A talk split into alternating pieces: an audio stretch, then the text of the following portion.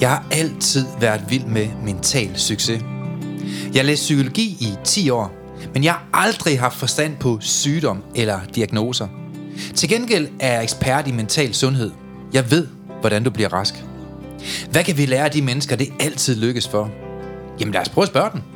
Dem, der altid har haft et mentalt overskud og er passioneret. Hvilke principper kan vi lære fra den nyeste forskning inden for positiv psykologi til at udvikle vores egne færdigheder?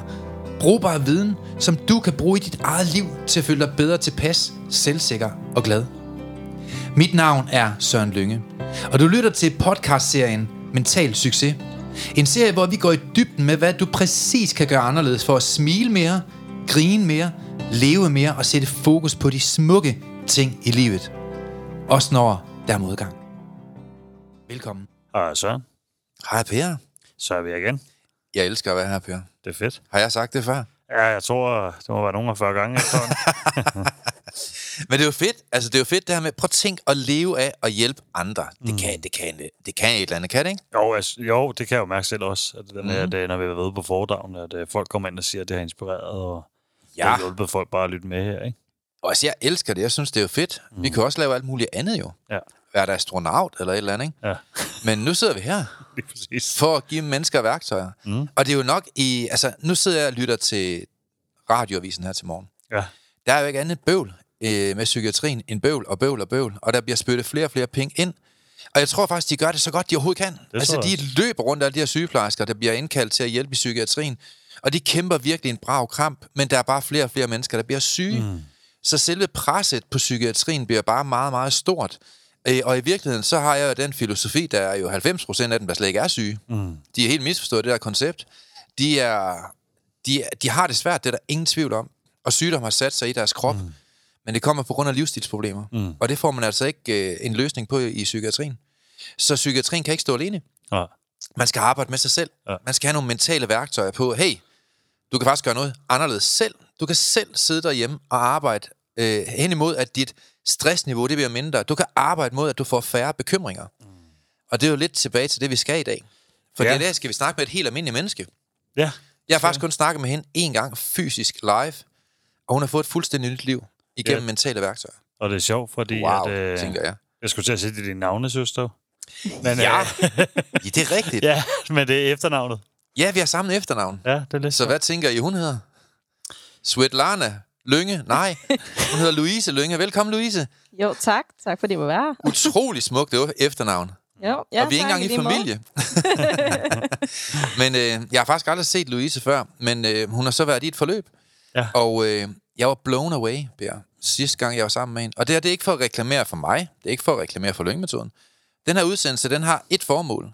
Det er at fortælle, hvordan et brudt menneske med depression øh, fik nogle værktøjer, og det er simpelthen give hende nyt liv. Så ja. det, her, det er en reklame for mentale værktøjer. Ja, angst og overtænkning også, især. Hele paljetten af angst, overtænkning, det der med at sidde derhjemme og sådan have lysten, og, og, men man vidste, man skulle gøre noget. Mm. Jeg skal til opvasken, jeg, skal, jeg burde være produktiv, og alligevel så fik hun det ikke gjort, Per. Nej, men hun Så gør fik jo hun som bare rigtig mange andre. Jamen, og det er jo som rigtig mange andre, vi ender med at have i tale. Ja, At det er øh, overtænkninger, det er bekymringer, det er angst, der udvikler sig til. Mm. Og man til sidst ikke kan finde ud af, om det er stress, angst eller depression. Og mm. til sidst finder man ud af, okay, om det hele hænger sammen, og man ved ikke, hvad man skal gøre. ja, og i dag så skal vi lære noget om, øh, ikke ordet selvdisciplin, men planlagt selvdisciplin, mm. kommer jeg ind på i dag. Og vi kommer også ind på, hvordan kan det være, at nogle simple værktøjer kan tage nogle mennesker et helt liv at lære. Ja. Altså nogle af de ting, jeg forklarer folk, de skal gøre anderledes, som vil give dem et markant bedre liv. Øh, hvis du fjerner eksis- øh, eksempelvis eksistensgrundlaget for stress, så kan du ligesom ikke udvikle stress. Nej. Og der er simple livsprincipper på, hvordan man kan mindske stress, eller angst, eller depression, eller bare det at have vrede i sit liv. Men hvis man skal bruge et helt liv til at forstå de her værktøjer, som mange mennesker de åbenbart skal, ja, så er det virkelig op ad bakke. Eller ned ad bakke. Jeg ved det ikke helt. Nej. Begge ting er jo lige fucked. Ja, ja det er ikke løgn. Ja, Jeg skal fortælle jer en sjov historie, Louise, inden vi går i gang. Ja.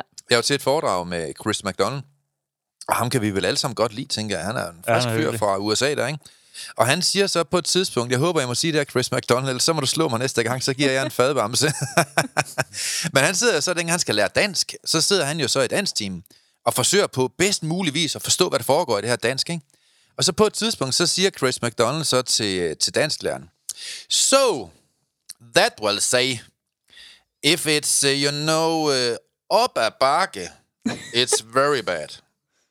Uh, yes, siger jeg, it's bad. So down the back is very good. No, actually, it's also very bad. det er også meget dårligt. So what the fuck is good then?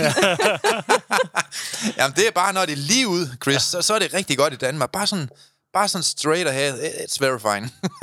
det er godt, der ikke er så mange bakker i Danmark, så. ja, det går, det, går, det går godt i Danmark. Vi har, vi har himmelbjerg. Ja, that's what it is. så, men det er sådan, at i Danmark, der, der vil jeg godt træne alle danskere hmm. i, at man kan tænke sig til sejr og succes. Ja. Men man kan altså også få en tankeproces og en, et, et mønster i hjernen, ufrivilligt, som kommer til at gøre, at du kommer til at tænke dig til fiasko mm. og et lorteliv. Ja. Og der har jeg en mission, Per. Det er at træne danskere i at forvandle den proces. Mm. Forvandle deres tanker. Og Louise, du er mit pragt eksemplar. Derfor øh, blev du nærmest tvunget herinde i dag. Har jeg spurgt hende frivilligt, altså selvfølgelig med en 9 mm pistol lige i panden, om hun havde lyst. Ja, det havde hun. Virkelig lyst, det kunne jeg mærke på hende. Det var super fedt. Men Louise, velkommen. Jo, tak. Har du lyst til at fortælle lidt om dig selv? Jamen, øh, det kan jeg godt. Øhm. Dyrlægen.dk Uh, du arbejder ved en dyrlæge, ikke? Næsten dyrlæge. Ej, øh, jamen altså, øh, jeg, jeg er i gang med at uddanne mig til veterinærsygeplejerske, så det er tæt på dyrlægen. Mm. men jeg arbejder i tæt samarbejde med dem, ikke? Mm. Øhm, men øh, jeg, øh, jeg havde øh, en periode i mit liv, hvor det var, at jeg havde det rigtig, rigtig svært. Jeg har haft en øh, svær opvækst, og der har været nogle ting, som har sat sig lidt fast igennem mit liv, og nogle mm. dårlige vaner, jeg er kommet ind i, dårlige tankemønster. Øhm, og øh, jeg har egentlig altid gerne vil gøre, hvad jeg kan for at få et godt liv, mm. men jeg har egentlig altid manglet redskaberne. Øhm, og så øh, var det faktisk her i, øh, ikke det her nytår, sidste nytår, hvor der var, jeg lige pludselig havde en, øh, en angstanfald, øh, hvor jeg fandt ud af, at det var angst. Mm. Øh, Hvordan finder man ud af det? Sådan, hvad, hvad reflekterer du omkring? Jamen, jeg begyndte sådan lidt at måske undersøge lidt, hvad min, øh, hvordan, hvordan det var, jeg reagerede, og det var nogle meget voldsomme reaktioner, jeg havde. Mm. Øhm, og jeg havde ikke, ikke rigtig tænkt over det førhen. Men så lige pludselig, så, øhm, ja, så kom det bare til mig, at det, det, det er sgu nok egentlig angst, jeg sidder med, fordi at mm. når jeg reagerede, så fik jeg hyperventilation, som man får ved angst. Jeg øh, begyndte at græde, jeg satte mig ned og rokkede lidt frem og tilbage. Jeg kunne slet ikke få styr på min krop. Nå. Jeg mistede fuldstændig kontrollen over min krop. Mm. Mm. Og øh, det, jeg fik der, det var, øh, det var ret voldsomt. Jeg reagerede på en rigtig simpel øh, diskussion. Okay. Der var nogen, der var oppe og diskutere. Øh, ja. Øhm, og det var ikke, fordi de diskuterede voldsomt. Men for mig blev det så voldsomt, fordi inde i mit hoved, der overtænkte jeg, jeg begyndte at tænke lige om lidt, så eskalerer den her diskussion. Mm. Ja. Øh, nu bliver det rigtig, rigtig voldsomt mm. om lidt. Mm. Og så øh, endte det bare med, at jeg brød fuldstændig sammen med det. Mm. Øhm, og så fandt jeg jo lige pludselig ud af, jamen altså, der, der er et eller andet galt her. Mm. Ja. Der er noget, jeg skal ændre på. Mm. Der, øh, der er noget galt i mit liv, øh, siden da jeg kan reagere så voldsomt, som jeg gjorde. Ikke? Mm. Øhm, jeg, havde det, jeg tror, jeg har det lidt i forhold til min, øh, min barndom. Da jeg havde det der, der øh, havde jeg set nogle voldsomme diskussioner i fortiden, som, okay. som gjorde, at, at jeg måske fik et forkert syn på, hvordan man mm. snakker sammen, hvordan man diskuterer. Og de har bare sat nogle dybe, dybe, dybe spor det i hjernestammen, sikkert, ikke? Det havde det. Ja. Der var også noget interessant, hun siger her også faktisk, i forhold til det der med, at hun, hvad hun har set som barn. Ja. Fordi det er jo også, hvis man ikke har lært, hvordan man skal gøre det bedre af sin familie eller opvækst, eller de forældre, ja. man nu engang har, mm. så handler du ud fra det, du har, det, den viden, du har. Jeg ja. tror at de fleste mennesker, de gør vel det bedste, de kan, hvis det de tror kan. jeg nemlig også. Jeg tror, ja. Og det tror jeg, jeg også. Altså man kan sige, mm. forældre, der er ikke gode forældre, de gør jo også det bedste, de kan. Mm. Ja. Problemet er bare, at det nogle gange skaber nogle børn, og nogle, øh, nogle der bliver voksne på et tidspunkt også, mm. som tager nogle ting med sig, der kunne gøres bedre. Øh, og det er jo ikke en skam. Jamen, jeg kan da huske på et tidspunkt, øh, jeg ved ikke, om I ved det, det med jer, der lytter, men jeg ved, der er mange, der følger mig og kender mig ret godt. Men jeg har haft opholdssteder i rigtig mange år for voldelige unge, øh, og jeg har også haft et andet opholdssted for selvskadende piger i mange, mange år. Øh, og vi har været plejefamilie i mange år. På et tidspunkt, så er der faktisk øh, en af mine drenge her på stedet, øh, som jeg føler, der er min dreng. Det er bare en, jeg passer, kan man sige. Øh, på, på 17 år gammel, der bliver stenet af en flok drenge her fra Ballerup. Og jeg bliver bare gal. Altså, som i rigtig gal. De øh, brugte jo metoder, der var 2.000 år gamle, ikke? Ja. Så jeg tænkte, det der, det går i all in. Og jeg, jeg blev helt personlig i det. Jeg var virkelig, jeg var virkelig indebrændt fred. Og øh, jeg gik all in. Jeg tænkte, de der drenge der, de skal findes, og så skal der simpelthen straffes meget, meget hårdt tilbage den anden vej, ikke? Øhm, og øh, jeg kan bare huske, at jeg blev ved med at ringe til Ballerup Kommune. Jeg blev ved med at ringe til politiet. Jeg kimede ned. Jeg kørte rundt derop.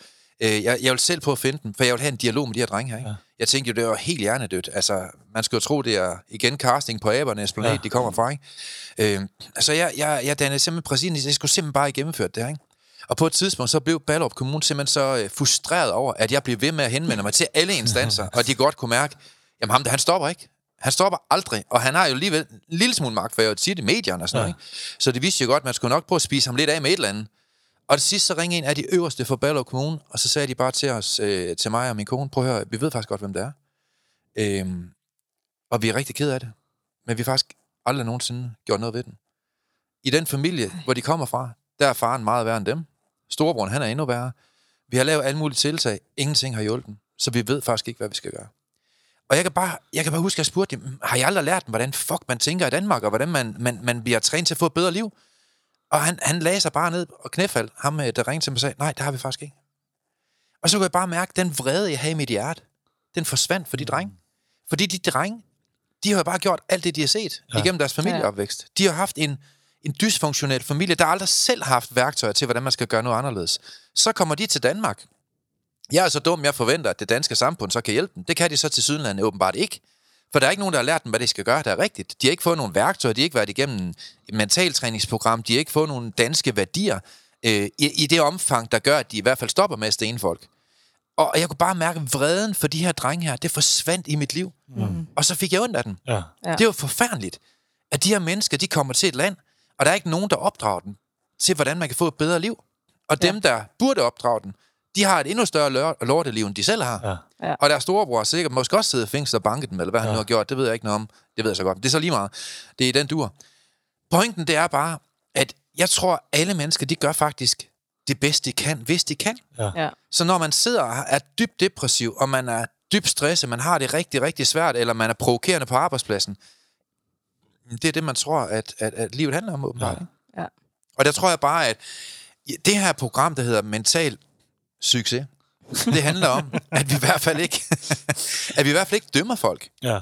Altså, det er et ikke fordømmende program. Ja. Vi tager dig, der er derude, vi lytter til dig, og uanset hvad niveau du er i dit liv, så vil vi gerne præsentere, at du kan få noget værktøj, uanset om du er en voldig ung fra Ballerup, eller om du er Louise Lynge, som sidder derhjemme og er dybt depressiv og har det vildt svært, eller du sidder derhjemme og overspiser, eller du bare har angst, eller du har stress, depression, eller om du er super vellykket, men mm. altid er fred, vred og frustreret og har, har et tomrum ind i dit hjerte, jamen så vil vi gerne give dig værktøj til at få et markant bedre liv. Fordi det virker. Ja, man kan ja. sige, det er jo for at skabe viden. Man handler ud fra det yes. viden, man har, som vi også snakker om, ikke? Jo, man handler ud fra den bevidsthed, man ja. er til rådighed, plejer vi at sige også, ja. ikke? I forhold til vores trekant. Ja. Mm. Ja, ja, ja, ja. Enig. Øh, jeg vil også høre det mere, Louise. Ja. Fordi at, øh, du nævner, at du sidder derhjemme. Ja. Og jeg tænker, når du har den fortid og de ting, der har været, øh, at vi, vi har snakket om overtænkning også. Ja. Hvad er det, der sker der? Hvad er det, der sker i dig? Jamen, der kommer mange tanker op i mit hoved. Øh, jeg har egentlig altid overtænkt rigtig meget. Jeg tror, at mm. jeg har set lidt på min mors tankemønster. Ja. Så øh, hun overtænkede, eller gør det faktisk lidt stadig, overtænker rigtig, rigtig mange ting. Ja. Og så tror jeg også, det var det, der sådan lidt smittede af på mig dengang. Øhm, og det tror jeg lidt, jeg har taget med videre. Ja. Og det er jo det igen med, at man, man tager lidt de ting videre, som man ser, og man mm. vokser op med. Mm. Øhm, heldigvis har jeg så haft øh, nogle rigtig gode øh, mennesker rundt omkring mig, som også har været rigtig gode til at fortælle mig, at det er ikke rigtigt. Mm. Men det var stadig svært at komme ud af tankemønstret, øh, jeg var i. Og øh, jeg kunne overtænke det der med, at jeg er ikke, jeg er ikke god nok. Mm. Øh, nu har jeg gjort det der forkert, hvis jeg lavede en eller anden fejl. Så kunne jeg hive mig selv helt ned i kuldekælderen. Ja. Øh, det blev simpelthen så voldsomt, og det var jo meget tit det, der også udløste min angst. Mm. Det var, at jeg også hive mig selv ned. Ja. Øh, og det fik jeg jo bare ikke rigtig noget godt ud af. Det blev rigtig, skidt, og jeg endte med at sidde hjemme i min sofa, og bare sidde og se på fjernsyn og sidde og tænke, jeg burde mm. gøre det her, og jeg burde gøre det her, men jeg kunne bare ikke finde mit overskud. Mm. Og jeg vidste ikke, hvordan jeg skulle finde overskud til det. Øhm, og min kæreste, han kunne sidde og kigge på mig, og bare se, at jeg ikke øh, kunne overskue noget som helst. Jeg kunne, mm. Til sidst så blev min angst simpelthen så slem, at jeg kunne hakke et hvidløg, og så var jeg ved at få et angstanfald. Ja. Jeg kunne slet ikke kont- kontrollere det. Ej, det var sindssygt. Ja. Der er jo faktisk en forklaring på, hvorfor hjernen reagerer på den måde. Fordi vi ved jo, at hjernen bruger cirka 19-20% af de ressourcer, vi bruger, når vi spiser. Det er jo en meget, meget stor, intelligent muskel, vores hjerne. Så den bruger energi. Og den får selvfølgelig energien fra det, vi spiser og drikker. Men hvis vi overtænker, så mener forskere, at hjernen bruger op til 90% af vores energi. Ja. Så er det klart, at man ikke har noget energi tilbage. Ikke? Ja. Ja. Jo, det er jo derfor, der er mange, der sidder i en boligforening, og jo ikke har et arbejde, og kommer ned på et jobcenter, og de kan ingenting overskue, som i overhovedet ikke. Ja. Så de, de, de er jo fysisk altså rigtig, rigtig trætte, for alle tanker sætter sig jo mm. i kroppen som sygdom. Eller kan i hvert fald gøre det. Ja. Så, så det er der fuld forståelse for, herfra i hvert fald, Louise. Ja. Det, det har vi jo hørt mange, mange, mange gange. Ja, jeg har også selv siddet der, kan man sige. Ja, du havde det på samme måde. Ja, ja. Øh, Nå, altså på din unikke måde, kan man Ja, sige. ja. Jeg har jo smerter, men uh, samtidig med så overtænkte jeg også alt, og jeg kunne ikke styre mine tanker. Ja. Så jeg var jo træt. Ja. Altså, selvom jeg ikke lavede noget. Men i dag får I nogle gode værktøjer derude, ja. Ja. som øh, vil gøre en markant forskel i jeres liv. Det Og vi skal også øh, senere i udsendelsen høre, hvad, hvad der definitivt ændrede dit liv fuldstændig, for du er et helt andet sted i dag. Fuldstændig. Det er fantastisk. Jeg tænker sådan lidt, hvad gjorde, at du tænkte, der skulle ske en ændring? Var det fordi, der var nogen, der siger det til dig, eller var det dig selv, du kunne mærke det i? Det jo både mig selv, men det er også fordi, nogen sagde det til mig. Øh, jeg har egentlig altid, selvom jeg har haft det svært, så har jeg egentlig altid tænkt, at jeg skal have det godt. Ja. Mm. Jeg har bare nogle gange ikke helt vidst, hvordan det var, jeg skulle komme den rigtige vej. Nej. Øh, men jeg havde en episode, øh, jeg havde også været sygemeldt på mit arbejde med min angst i halvanden måned. Mm. Så var jeg så kommet tilbage igen, og så var det, gik det egentlig okay en god periode, men så gik det bare ned ad bakke igen. Mm. Og så var der så en kollega, jeg snakkede med, som sagde, at hun var bekymret for Louise, og bekymret for mig, mm. og at øh, den uddannelse, jeg var i gang med, at hun tænkte, jeg kommer ikke igennem den, hvis der jeg ikke gør noget. Mm. Og det var lidt som om, det satte noget i gang i mig. Mm. Øhm, Ja. Og så havde min papmor, hun havde, øhm, altså min fars kone havde faktisk vist mig Søren Lynges podcast. Nå, det er okay. det havde hun Ja, faktisk. fordi skridtet der, Per, det er jo ikke ret langt til psykiatrien. Nej. Jeg ved godt, du ikke var der. Ja. Det er ikke det, jeg siger, Louise. Jeg siger bare, at du et forsæt af den pathway, Mm. med den strategi, du førhen har lagt til grundlag, og i det bevidsthedsniveau, du var, og ud fra det, du vidste der, så er det gået ned ad bakke. Ja. Man står jo aldrig stille, enten så går det frem, eller så går det tilbage. Mm. Og havde det ikke sket, den kollega havde henvendt sig, så kunne det have endt i psykiatrien. Ja. Så havde jeg måske ikke øh, rakt ud til dig, jo som det. jeg faktisk gjorde, ikke? Mm. Øhm, men, Men det var du jo, øh, hørte så podcasten, eller hvad, hvad skete der så der? jamen, jeg havde egentlig hørt den om sommeren, faktisk. Okay. Øh, og der var der, hvor der var ting, der var blevet lidt bedre, så jeg havde faktisk sådan tænkt, det her, det virker faktisk på mig. Mm. Mm. Men så havde jeg så ikke rigtig gjort så meget ved det igen, så kommer man nogle gange lidt tilbage i det ja, samme Det gør hjernen jo. Ja, Den vil jo gerne have det liv, den har i går. ja. ja, det er nogle gange lidt Det trygge liv, ja. Ja, ja. Det, den kender til. Sofaen og fjernsyn. Og, ja. ja. ja, ja. Og så, øh, og så øh, havde jeg jo bare tænkt, da det var, hun sagde det til mig, så Mm. mm. tænkte jeg, det er så rigtigt. Altså, jeg bliver nødt til at gøre noget nu. Det er det, du er ikke længere. Jeg skal have det godt. Det er mit liv. Mm. Jeg skal videre, og jeg skal fremad, og jeg kan ikke bare hænge fast i min fortid. Nej. Øhm, og så tænkte jeg, fordi jeg vidste, at det havde virket, så tænkte jeg, nu tager jeg kontakt. Og så tog jeg kontakt øh, faktisk dagen efter, der tog jeg en ferie fridag. Ringede ind og sagde, at jeg blev nødt til lige at tage en rulledag. Mm. Og så en time efter, jeg havde snakket med dem, så ringede, så tog jeg faktisk og bestilt et forløb hos dig. Okay. Så, Og så begyndte det derfra, ikke? Mm. Mm. Fordi så tænker jeg, nu, nu skal der ske noget. Nu vil jeg simpelthen ikke have det dårligt længere. Hvordan fandt du ud af, hvad forløb du ville have? Jamen altså, øh, jeg tænkte bare, jeg ville gerne have det, hvor det var, jeg kunne mærke, at det her, jeg skal, altså, jeg skal have så mange værktøjer som overhovedet muligt, fordi Mm. det kan godt være, at jeg har brugt nogle værktøjer før, men de har ikke virket. Nej. Øh, og så har jeg ikke været i forløbet i lang nok tid, og så har det ikke Mm. mm. virket ordentligt. Øh, og så tænker jeg bare, at jeg skal bare have syv måneder med dig, fordi så Mm. tænker jeg, at det, altså, jeg går all in på det. Jeg skal sejt. bare virkelig Mm. over at have det rigtig, rigtig godt nu. Mm. Fordi det, det nytter ikke noget med at rende rundt og har det skidt. Men man kan også sige, at den strategi, Per mange de bruger, det er jo en strategi, hvor de ubevidst bekymrer sig. Mm. Måden, de håndterer deres, deres hjerne på, deres tanker, deres liv, det er ved, at de fokuserer på fortiden. Og så skal man jo sådan set være arkeolog. Sidde og analysere det gamle lort. Blive arkeolog, du. Det er det, danskere de kan finde ud af. Det elsker de at sidde og analysere deres fortid. Ikke? Og så bruger de den strategi med, at de sidder og grubler.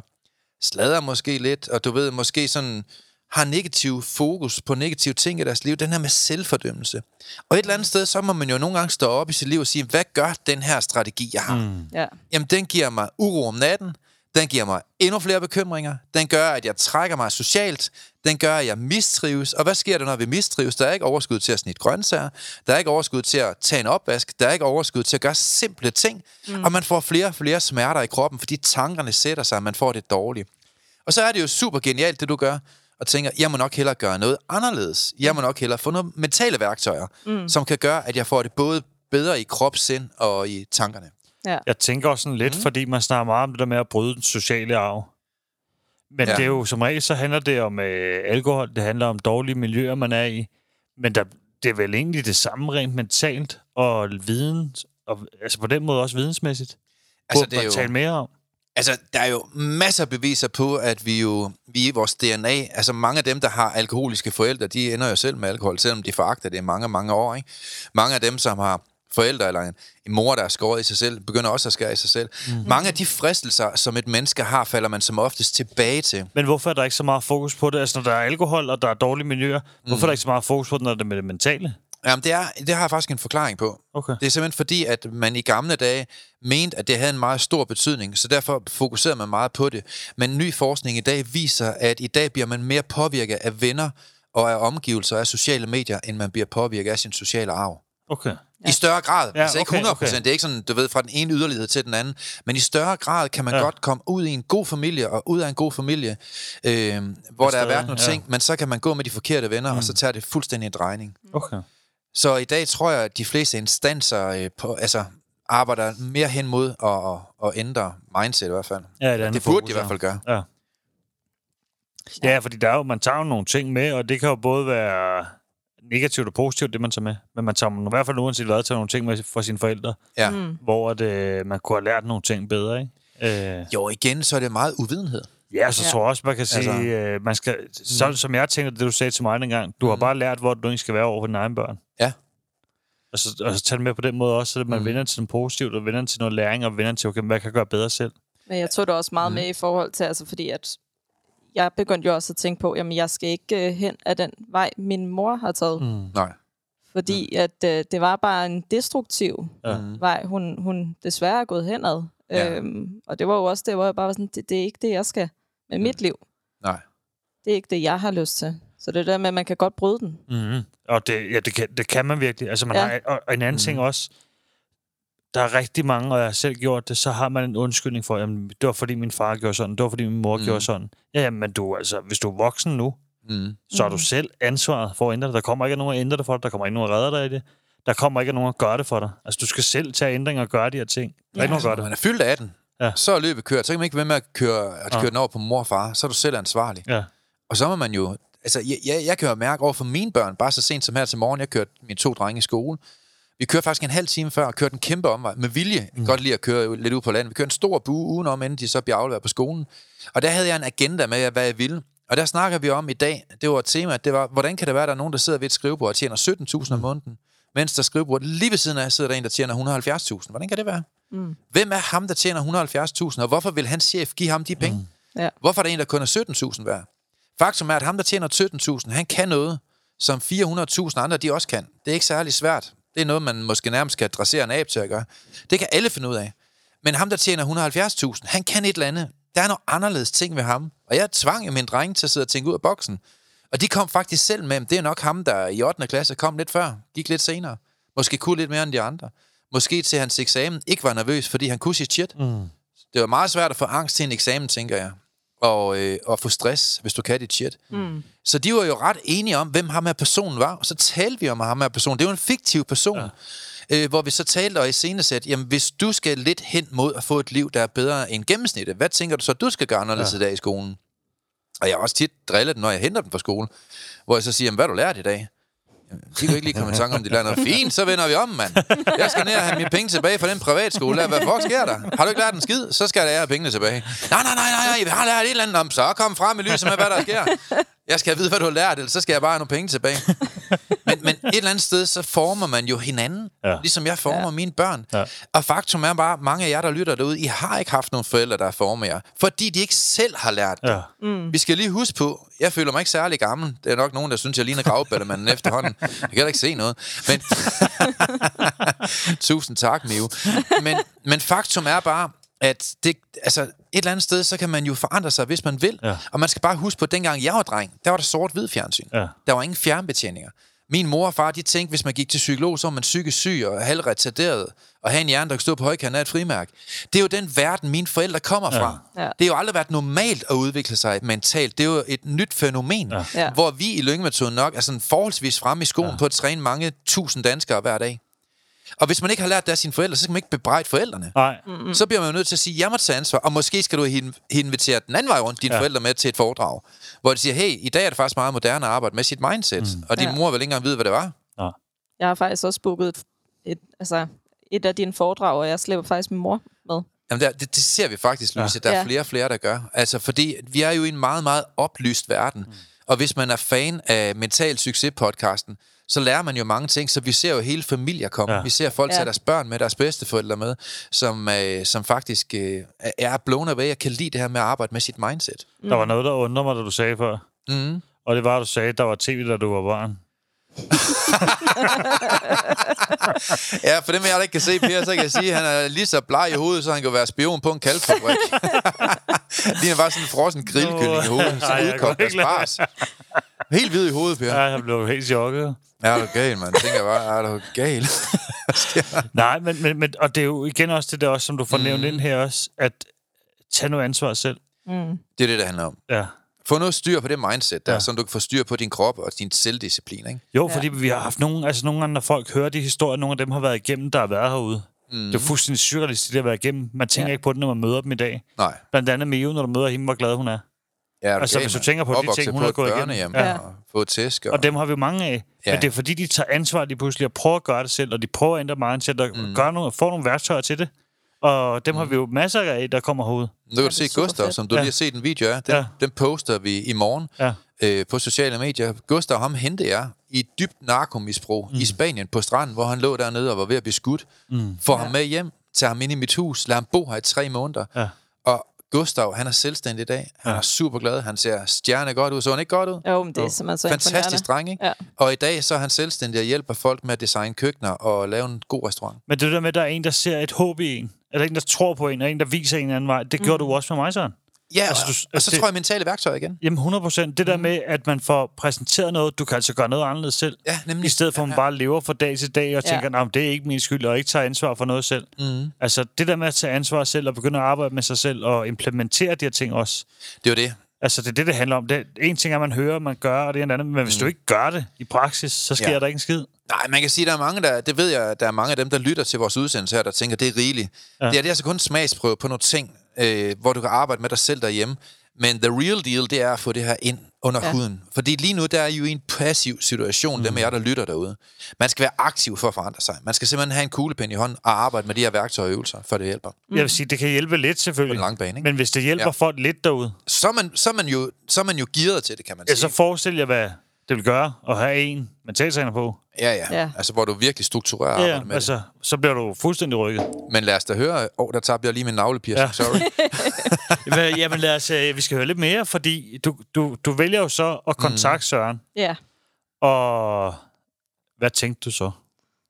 Jeg tænkte... Øh... Glad idiot. tænkte hun. skal hun, jeg skal hun tænkte det samme han har, Han har æderne med et lækker efternavn. ja, det er rigtigt. Han, han må se godt ud, tænkte hun. Flot efternavn, ja. Sådan der. Nej, hvad så? Hvad tænkte du? Jamen altså, jeg, jeg holdt faktisk bare den positive stil, og tænkte, mm. det her, det skal nok blive godt. Mm. Fedt. Fordi jeg tror også bare, det er det vigtigste, når man vælger, at man skal tage en chance og springe ud i noget, så skal man jo også holde den positive indstilling. Ja. Mm. Den har jeg egentlig altid haft ja. øh, og lært, men det der med også bare holde fast i det, ikke? Mm. Men altså det der med at komme ind med en positiv indstilling til tingene og tænke, nu gør vi det, og det bliver spændende, det bliver sjovt, det her, jeg skal nok komme godt igennem det. Ja. Det, øh, det tror jeg var det, jeg begyndte sådan at holde fast i, ikke? Øhm, mm. Selvfølgelig kunne man da også godt nogle gange tænke, åh, oh, kommer det her måned til at virke, ikke? Men ja. det er jo nogle af de tanker, jeg har lært at kunne få lidt mere væk og på afstand, ikke? Mm. Øhm, Men ja, så tog jeg jo kontakt til dig, og Ja. så øh, kan jeg huske, at vi havde en intro-samtale Der sad jeg nede på den anden side af jordkloden på en Det strand gjorde du nemlig, og drak en Long Island Ice Tea. hvor det larmede lidt i røret. ja, det gjorde jeg. ja. Hvordan var det? Jamen, øh, det var egentlig, det larmede lidt. Det var svært at høre ja. det nogle gange, men, men det var egentlig, øh, det var egentlig rigtig dejligt, fordi at Ja. jeg øh, havde mistet mit overskud til at tage på arbejde. Mm. Jeg havde ikke lyst til at tage på arbejde. Jeg frygtede, hvad der skete, når jeg skulle ind på mit arbejde. Klassisk bekymring. Ja, Mm. lige præcis. Hvordan blev dagen, ikke? Ja. Øhm, og så, øh, ja, så sagde du jo til mig noget, som jeg egentlig har holdt fast i. Mm. Som jeg også har sagt videre til nogen, som nogle gange synes, det var det svært at komme på arbejde. Det var det der med, at du skal jo ikke på arbejde med dine følelser. Mm. Du skal jo på arbejde for at yde en indsats for din arbejdsgiver. Mm. Ja. Og bare arbejde. Og så Mm. kan du tænke på dine følelser, når du kommer hjem. Mm. ja. Og den, Den er lidt hardcore, det vil jeg godt indrømme. den, den, er, den er lidt hård, men den ja, hjalp den er lidt mig hardcore. så meget. Ej, hvor smukt. Det var helt vildt, fordi næste dag, der kunne jeg faktisk tage på arbejde. Ej, hvor fedt, Louise. Jamen, det var bare, det, var, det gjorde så meget, fordi det var det der med, det er mm. så rigtigt, for jeg kunne bare mærke, hold nu op, hvor jeg rendte rundt og følte alt på min arbejdsplads, Mm. som jeg ikke behøvede at føle. Og jeg, Fordi jeg jeg, jeg, kan huske, arbejde. jeg sagde, at du, at du er der på grund af din faglighed. Ja. Ja. Du har noget faglighed, der gør, at folk de kan få behandlet deres dyr. Mm. De kommer jo med dyr, der er syge, og der, der, der jeg ved ikke en skid om, men der sker nok et eller andet med dyr, siden de er hos dig, tænker jeg. Øh, og der har du en faglighed, og så gennem Ja. alle de der følelser væk. Jeg tænker Ja. sådan lidt, hvordan var det at starte i forløb? Altså, hvad, hvad, hvad, hvad skete der, hvis man kan sige sådan? Jeg tror for mig var det lidt en lettelse, Ja. fordi at det der med, nu, nu tænker jeg, nu, nu får jeg endelig den sådan, hjælp, jeg har brug for. Ja. For jeg, kunne, jeg vidste jo godt, at øh, podcasten havde hjulpet på mig før at lytte ja. til. Så jeg var bare sådan, det her, det, det bliver så rart at komme i gang med noget, der faktisk kan komme til at hjælpe. Hvordan var det at sidde og arbejde og skulle sidde med sig selv, og der er en masse ting, man skal udfylde, og det ene og det andet? Ja, men øh, jeg gik faktisk i gang samme dag. Ja. Fordi jeg havde jo min, øh, min øh, feriefridag derhjemme, så jeg gik i gang med, øh, du har kun tre slags problemer. Mm-hmm. Og det er de ukontrollerbare problemer, andres problemer, og så mine egne problemer. Ja.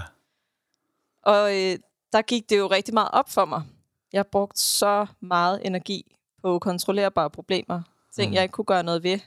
Og andres problemer. Ja. Som Jeg du reelt heller ikke meget kan gøre noget ved. Ja, lige præcis. Jeg tænkte ja. så meget over det. Øhm, og jeg brugte så meget tid på at blive sur i trafikken på vej til arbejde. Så inden min arbejdsdag overhovedet var begyndt, så var jeg så sur og irriteret. Ja. Fordi trafikanterne gjorde et eller andet, hvor jeg bare blev så sur på dem. Så fuldstændig reguleret af tilfældigheder og omgivelser. Det er Ja. jo en super usmart strategi igen. Men det, men det er sjovt, Det det, der, fordi også. hvis vi Mhm. tager statistikken, der ligger på det jo, så øh, hvis man tager snittet af det, så er det 80 procent folk bruger mm. af deres øh, tid og krudt og energi på andres problemer eller ukontrollerbare. Ja, Det siger vi Det i hvert fald til alle vores foredrag, når de Ja. rækker hånden op. ja lige præcis. Mm-hmm. Og det var jo det der med, at jeg brugte så meget tid på det, at øh, jeg var i den her virkelig dårlige tankemønster, mm. Mm. når jeg kom ind på arbejdet. Men det var sådan meget, efter jeg faktisk bare havde arbejdet med den en dag. Så Wow. næste dag, så begyndte jeg bare at ignorere tingene i trafikken, og begyndte at lytte til podcast eller musik eller et eller andet. Og så var jeg bare sådan lidt, jeg skubbede det bare væk. Ja. For jeg kunne mærke, hvor negativt mm. det påvirkede mig. Og det jo langt mere intelligent. Ja. Ja, man kan sige, det er også, Skal der bliver, fokus. der bliver lige pludselig lagt en plan for hjernen, mm. og det fungerer den jo super godt i, som du også siger. Hjernen er meget glad for det, kan jeg Ja. sige, og meget taknemmelig. Men øh, jeg tænkte faktisk på, hvordan Mm. var det, du kom på det her med, de, der er de der tre slags problemer? Ja, altså det der værktøj, som, øh, som jeg udviklede på, jeg tror faktisk det er 12 år siden, jeg udviklede det værktøj, det var jo i kraft af, at jeg har haft på daværende tidspunkt omkring 3.000 samtaler med folk. Jeg, jeg, nu, jeg har nogle gange 11 samtaler om dagen for dem, af jeg der ikke kender mig så godt. Øh, og kører rigtig mange foredrag samtidig. Det, har- det har jo været mit liv, det er jo det, jeg lever af, øh, siden jeg var 21 år gammel. Jeg har aldrig haft et rigtigt arbejde. så jeg har været selvstændig og, og har uddannet mig til det, jeg er i dag, kan man sige, igennem den måde, jeg lever på. Øh, og, og jeg har altid søgt efter fælles træk. Hvad var fælles træk på alle de mennesker, som, som jeg havde, som, som var drænet for energi? Mennesker, som har det svært, mennesker, som har et negativt fokus, mennesker, som har flere dårlige timer og gode timer, mennesker, som har et større negativt fokus på deres krop og på deres mm. tilværelse end positiv. Og jeg, jeg kunne træt jer meget med mange fællestræk, men et blandt mange, mange fællestræk, det var, at de hver evig eneste dag sidder og snakker om alle de ting, de ikke kunne ændre på alligevel. Ja. Så jeg tænkte, det må, det må kunne være muligt at skabe et værktøj, der er så logisk for hjernen, at alle mennesker kan få sådan en åbenbaring, når de ser det. Mm. Specielt hvis de ser og visualiserer, hvor meget spildtid de bruger på noget, som de i værktøjet kan anerkende, at det kan de jo ikke ændre på alligevel. Så den har været undervejs i flere forskellige versioner, men til sidst så lykkedes det mig at skrive, at du kun har tre problemer. Ukontrollerbare problemer. Altså krig, vejret, mm. at der er varmt i Afrika, der er koldt på Grønland. Det er jo ukontrollerbart. Mm. Det kan du tænke om, hvad du vil, men det forandrer sig jo aldrig nogensinde. Og den anden problemstilling, det er så problemer, der vedrører alle andre mennesker end dig. Og teoretisk kan du ikke manipulere andre mennesker, eller styre, regulere andre mennesker. Nej. Det er jo, andre mennesker har deres frie valg, og det er de faktisk krav på. Mm. Det er de ret til. Det skal du forstå. Så, så lyngemetoden handler meget om, at du skal forstå nogle ting, du skal se og anerkende nogle ting, og så skal du programmere din hjerne med den virkelighed, du får, efter du har været i lyngemetoden. Mm. Og det sidste problemstilling, det er så problemer, der vedrører dig. Og så har jeg jo sat hele, hele den her værktøj op som et regnestykke. At man sådan skulle sidde og reflektere lidt over, hvor meget krudt bruger jeg egentlig i virkeligheden på et serum over vejret, trafikken, alle de ting, jeg ikke kender på. Mm. De fleste, de siger sådan, statistisk set siger de 40 procent. Og så siger de fleste, ja, hvor meget tid bruger du så på andre mennesker? Altså noget, der i virkeligheden ikke har noget med dig at gøre. Din far, din mor, din søster, alt hvad de har gjort forkert, og hvad de siger, hvad de mener, hvad de tænker, hvad de gør. Og der siger de fleste også sådan, statistisk set på vores statistikker, siger de også 40 procent. Og så er det jo simpelt regnstykke. Hvis du bruger 80 procent, altså 40 plus 40, på ting, som du ikke kan regulere, så er du kun 20 procent til overs til at skabe den livskvalitet, du i virkeligheden gerne vil have. Altså der, hvor du det eneste sted, du kan skabe en forandring, det er ved dig selv jo. Mm. Ja. Du, kan ikke, du kan ikke forandre andre ting, du kan forandre dig selv. Og så spørger jeg så i det her værktøj, jamen er 20% af dine mentale ressourcer, altså dem du har magt til at bruge, fordi du spilder de 80%, er de nok til at skabe den livskvalitet, du gerne vil have? Mm. Og jeg har ikke haft en igennem det her værktøj, som ikke tænker, øh, nej, det, det er ikke nok. Oh. Jeg bliver simpelthen nødt til at bruge flere ressourcer på at skabe det liv, jeg gerne vil have.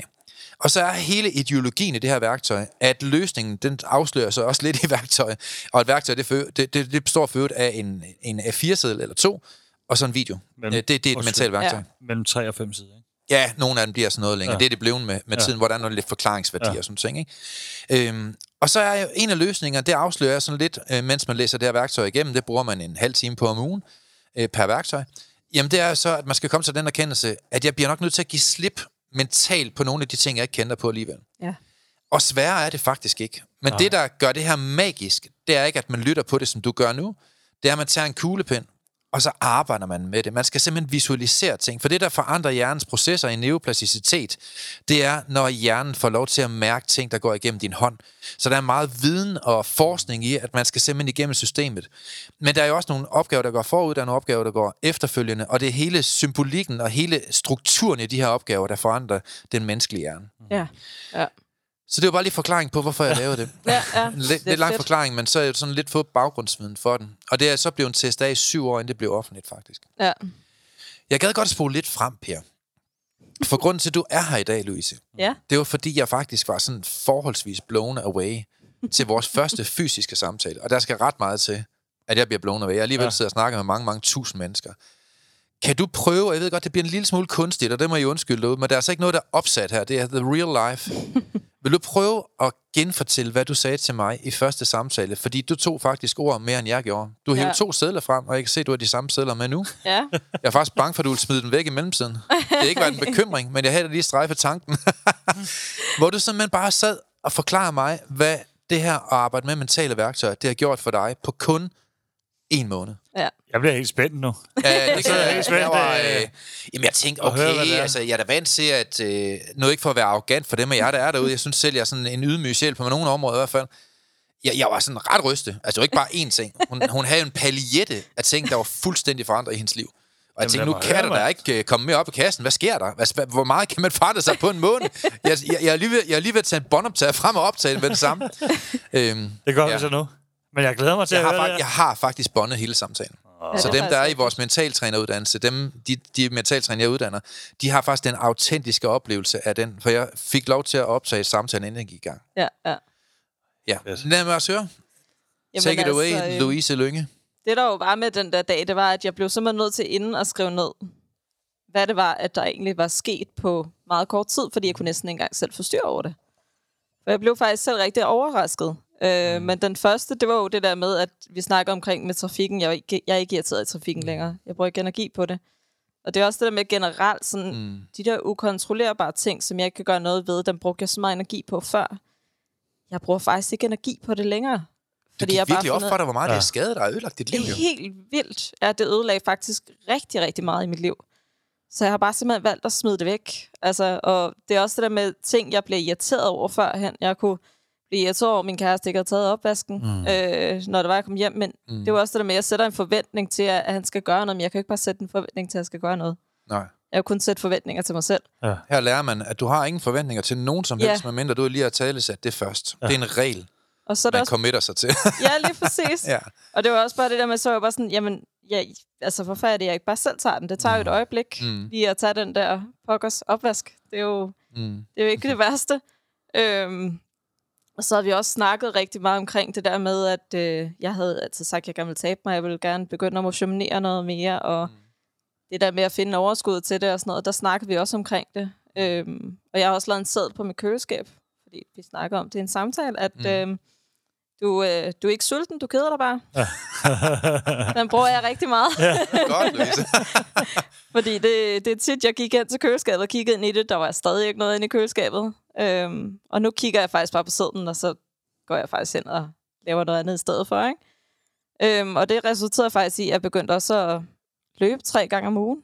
Oh. Øhm, om morgenen, fordi jeg har en kusine, der bor i Aalborg. Vi snakker ikke så meget sammen, og jeg tænkte, jeg vil egentlig gerne snakke noget mere med hende, så jeg tænkte, mm, måske vi skal begynde at vække hinanden om morgenen. Mm, tre gange om ugen. Og så løb sammen, og hun blev simpelthen så glad, da jeg sagde det til hende.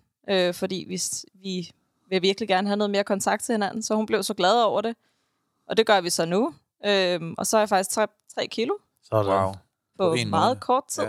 Fem ja. uger eller meget der, ikke? Ja, ja. ja, jeg tror faktisk, den første uge, der gik det rigtig stærkt. Der tabte jeg faktisk to kilo på en uge. Mm. Så det gik rigtig, rigtig hurtigt. Øh, og jeg har bare fået ekstremt meget overskud.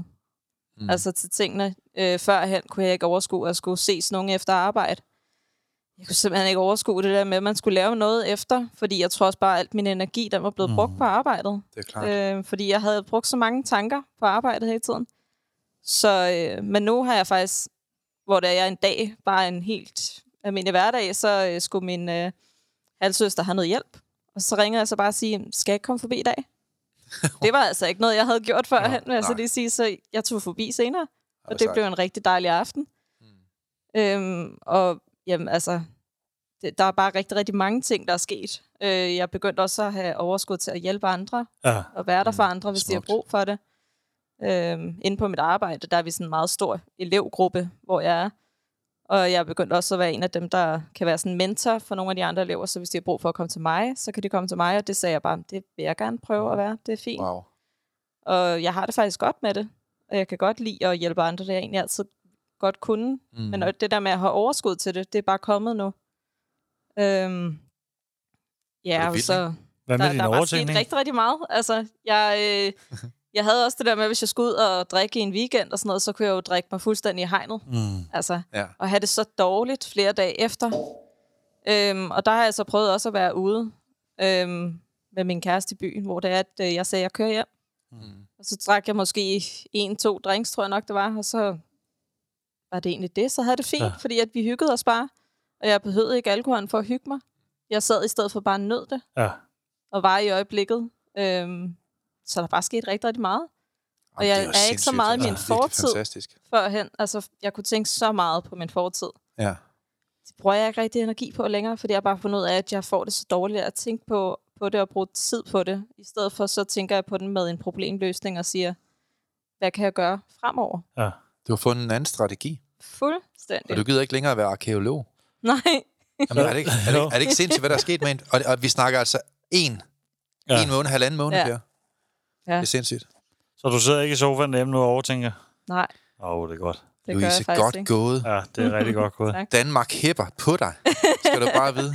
Jamen, det er da fantastisk. Ja, det... Og det er det budskab, vi gerne vil ud ja. med. Vi vil gerne reklamere for mentale værktøjer, det kan ja. forvandle menneskers liv. Ja.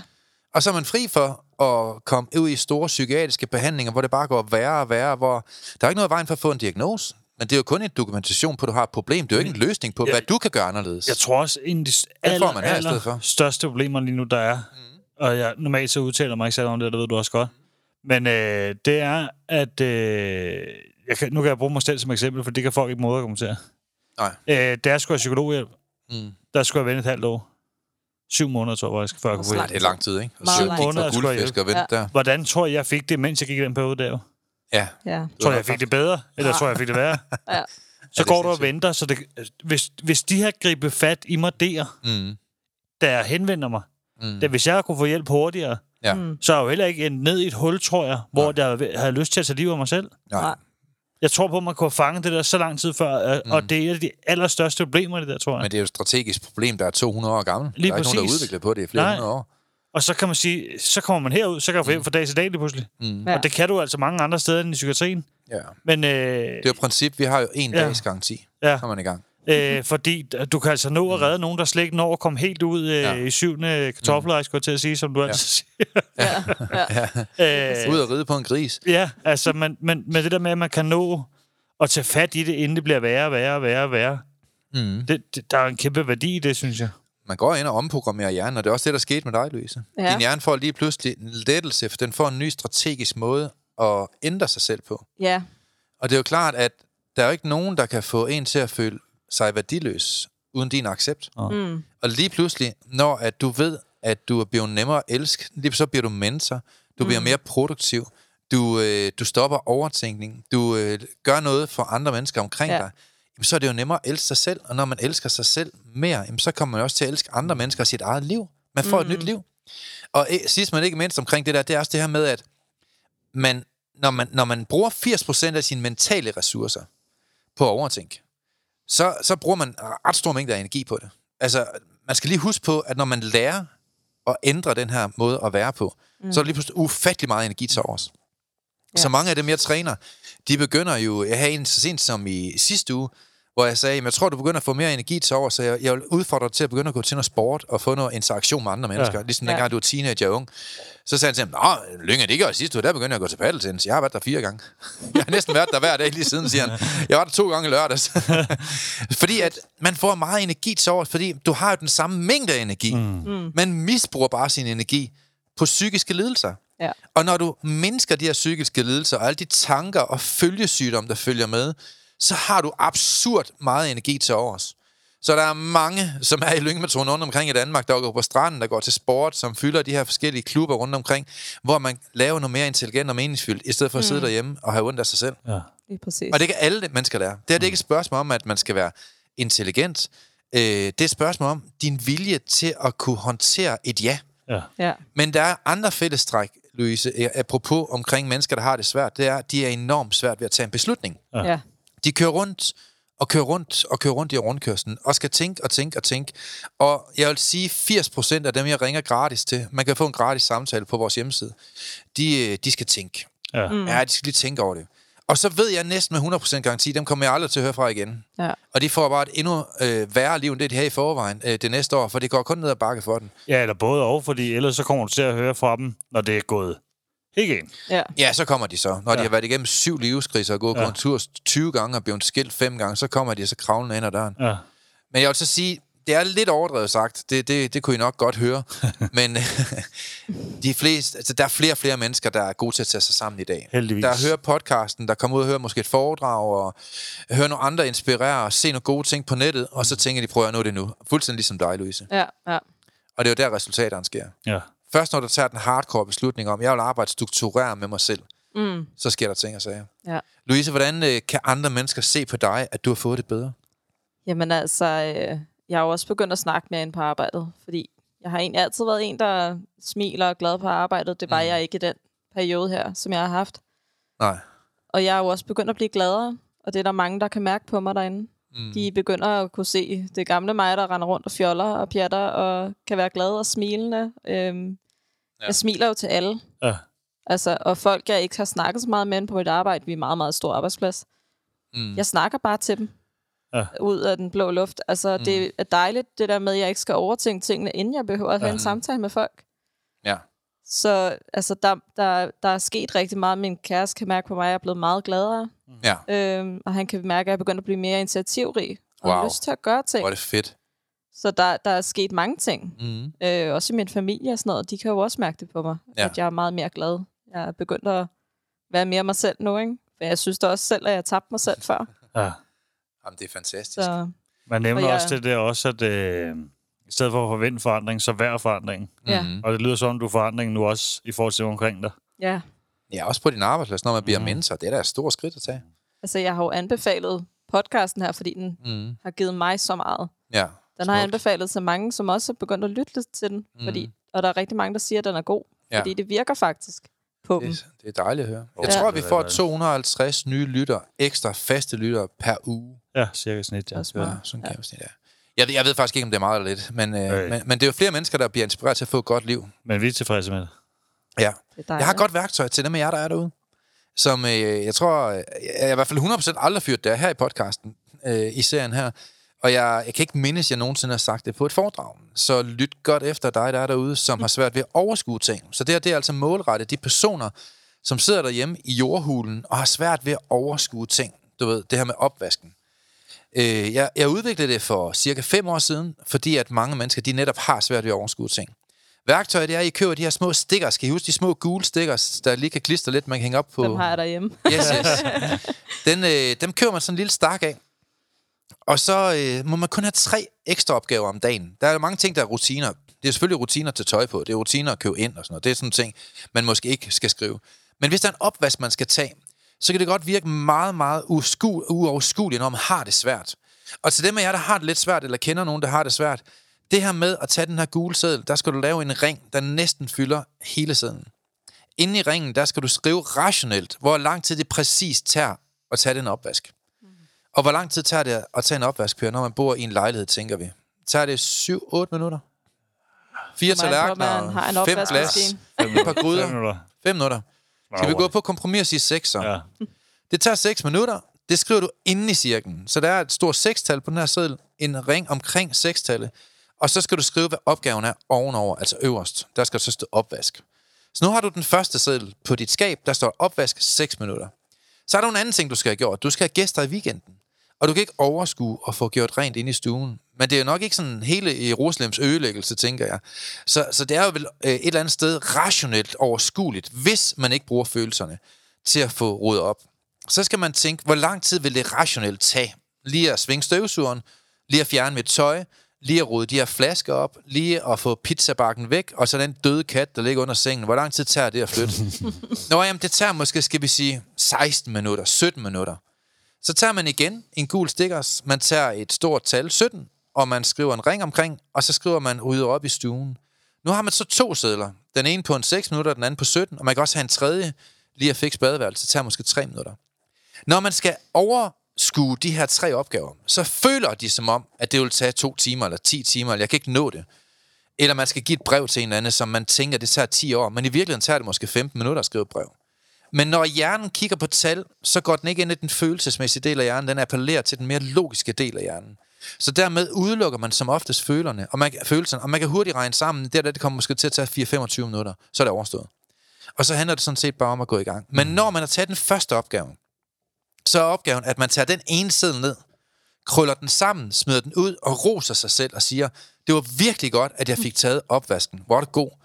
Og så tager du den anden seddel. Mm. Den tager du så bagefter, og når du er færdig med den, og kun den, så krosser du den seddel sammen og smider den ud, og roser dig selv for at smide den ud og have fuldført opgaven. Jeg gjorde det op på Aalborg Handelsskole, før de skulle til eksamen. Alle de her, de skulle strukturere alt deres lektielæsning og deres eksamenslæsning via de her sædler her. Og gennemsnitskarakteren ændrede sig en karakter på hele skolen. Det var ret meget. Sindssygt. Ja. Jeg fik ros af direktøren for Aalborg Handelsskole, som sagde, vi har haft mennesker i Lyngemetoden, og Søren Lyng har trænet vores skole, øh, alle handelsskoleeleverne. Og det har jeg gjort mange, mange år i træk, hvor de siger, at der er en markant karakter gennemsnitsforbedring på baggrund af mentale værktøjer. Mm. Fedt. Så det er jo bare til dig derude, som har lyst til lige at få noget konkret med hjem, foruden at Louise hun fortalte hendes yndlingstræningsøvelse i lyngemetoden. så fik I lige en her fra øverste hylde, som har gjort en stor forskel for mennesker, som kan have det lidt stramt og kan se, at ting kan være lidt for uoverskuelige. i ny og næ. Ja. Jamen, noget jeg ikke at spørge dig om dagens råd, men jeg tænker, det var det, der kom der. ja, altså, er, er vi nået dertil? Det er vi faktisk, ja. Så tror jeg hellere, jeg vil give en uh, lille opmundring til folk, Per. Ja. Og så sige, prøv at høre, dig der er derude, der er mere godt i dig, end der er skidt. Mm. Der er meget mere godt i dig, uanset hvad du selv føler, hvordan du vurderer dig selv. så er der meget mere godt i dig, end der er skidt. Og for at få et godt liv, så er jeg ked af at sige det, så skal du forvalte det gode, der er i dit liv. Du skal være en forvalter af din hjerne. Du skal for, forvalte af din tid. Og du skal overfor din hjerne bevise, at du kan tage et ansvar. Mm. Om hvorvidt det er et opkald til en, som du har tillid til, der kan hjælpe dig. Det må godt være mig, inde på min hjemmeside. Det kan også være en anden, du har tillid til. Eller om det er at få et forløb, eller det er at sige, jeg vil høre nogle flere af de her podcasts. Eller det er at sige, nu vil jeg læse en god bog, eller begynde at gå en tur, eller gå til paddeltennis. For mig er det lige meget. Men du skal bare vide, der er mere godt end dig end skidt. Mm. Og hvis du skal have et bedre liv, så skal du forvalte din hjerne og tage nogle gode, ansvarsfulde beslutninger for dig selv. Mm. Det kan også være, det håber jeg det er, at komme til vores foredrag. Vi vil jo gerne opfordre dig til at komme til vores foredrag. Og du får jo en helt ny bog gratis, hvor du får mulighed for at sidde og arbejde med dig selv. Og, øh, og vi elsker jo at komme ud og inspirere mennesker og give dem et godt liv. Så øh, ind på billetsalg.dk Lige præcis. Og øh, se alle vores opslag. Mm. Skråstreg LM. Ja, så kommer man direkte ind på vores slag. Direkte ind, ja. Ja, billetsalg. Man kan også bare gå på lyngemetoden, kan man ikke, Per? Jo, der kan man også. ja. Hvad siger du, Louise? Har du noget, du skal fyre af her til sidst? Mm, altså, jeg, jeg, jeg tror bare, det er det der med, at øh, du har kun det liv, du lever nu. Mm. Og hvis der du har det skidt, øh, føler, du har det dårligt, eller der er et eller andet, der kunne ændre sig, så tag skridtet mm. og gør det. Mm. I stedet for bare at sidde fast ja. og føle, at man ikke kommer nogen vej. Mm. Øhm, altså, det har hjulpet på mig. Ja. Og som du selv siger, det er jo forskelligt, hvem man skal række ud til. Mm. Men det der med at bare tage skridtet. Ja. Og så bagefter vil man finde ud af, at, øh, at det var fed, fedt at gøre det. Mm. Og at, øh, at det var godt at hoppe ud i det. Det er smukt. Ja. Og, og, og Louise, en ros herfra. Tak. Fra mig og Per. Du gør det virkelig godt. Det, du har gjort, det er ikke alle mennesker, der formår at gøre. Per har gjort det selv. Men det er godt gået. Wow. Tak. Det er hårdt arbejde, kan man sige. Det er hårdt arbejde at arbejde med sig selv. Der er ikke nogen her, der siger, at det er nemt, og det er bare lige noget, man gør. Men man kan gøre det nemmere for sig selv, ved at være i et forløb, hvor man bliver trænet skridt for skridt af nogen, der har gjort det flere tusind gange før dig. Ja. Mm. Så man kan jo gøre og tage noget gode valg for sig selv, hvis man vil. Og det ved vi jo, det er der mange, der har gjort før dig. Så kan du også dig, der er derude. Ja, jeg vil sige sådan også, at øh, til dem, der er derude, at mm. der er mere godt i dig, end du selv ser. Ja. Mm. Det er der. Og der er flere talenter i dig, end du mm. selv ved lige nu. Det er jo født med ens DNA. Ja. Men ved I hvad for et sted, hvor der er flest koncentration af, af talent her i Danmark? Ja. Mm. Det, det er på kirkegården. du troede, det var hjemme ved dig, Per, eller Nej, nej, jeg vidste det godt. Jeg har, jeg har hørt den nogle gange nu, den der. det er nok på kirkegården. Men der er noget sandhed i det jo. For mange dør med det talent, de har, uden at ja. få det afviklet. Det er jo synd, for det er jo der, hvor livet det begynder at give mening. Så vil sige nogen derude også, hop ud af komfortzonen, ja. og så prøv at gøre det, du kan for at udvikle dig. Ja. Øh, for du, du har meget mere i dig, end du selv tror. Enig. Mm. Og det har I alle sammen noget. Enig, enig. Tak for det. Vi ses forhåbentlig på vores snart udsolgte foredrag, så vær hurtig. Du du. Tak for det. Tak for i dag. Tak for i dag. Tak for i dag. Vi er glade for, at du har lyttet med på podcastserien Mental Succes. Hvis ugens emne har givet dig værdi, så er du meget velkommen til at dele det på sociale medier. Og hvis du har lyst, så har du mulighed for at møde os hver måned, når vi turnerer Danmark rundt med åbne foredrag og giver mentale værktøjer væk. Vi glæder os til at se dig på mentalsucces.com. Vi ses i næste uge.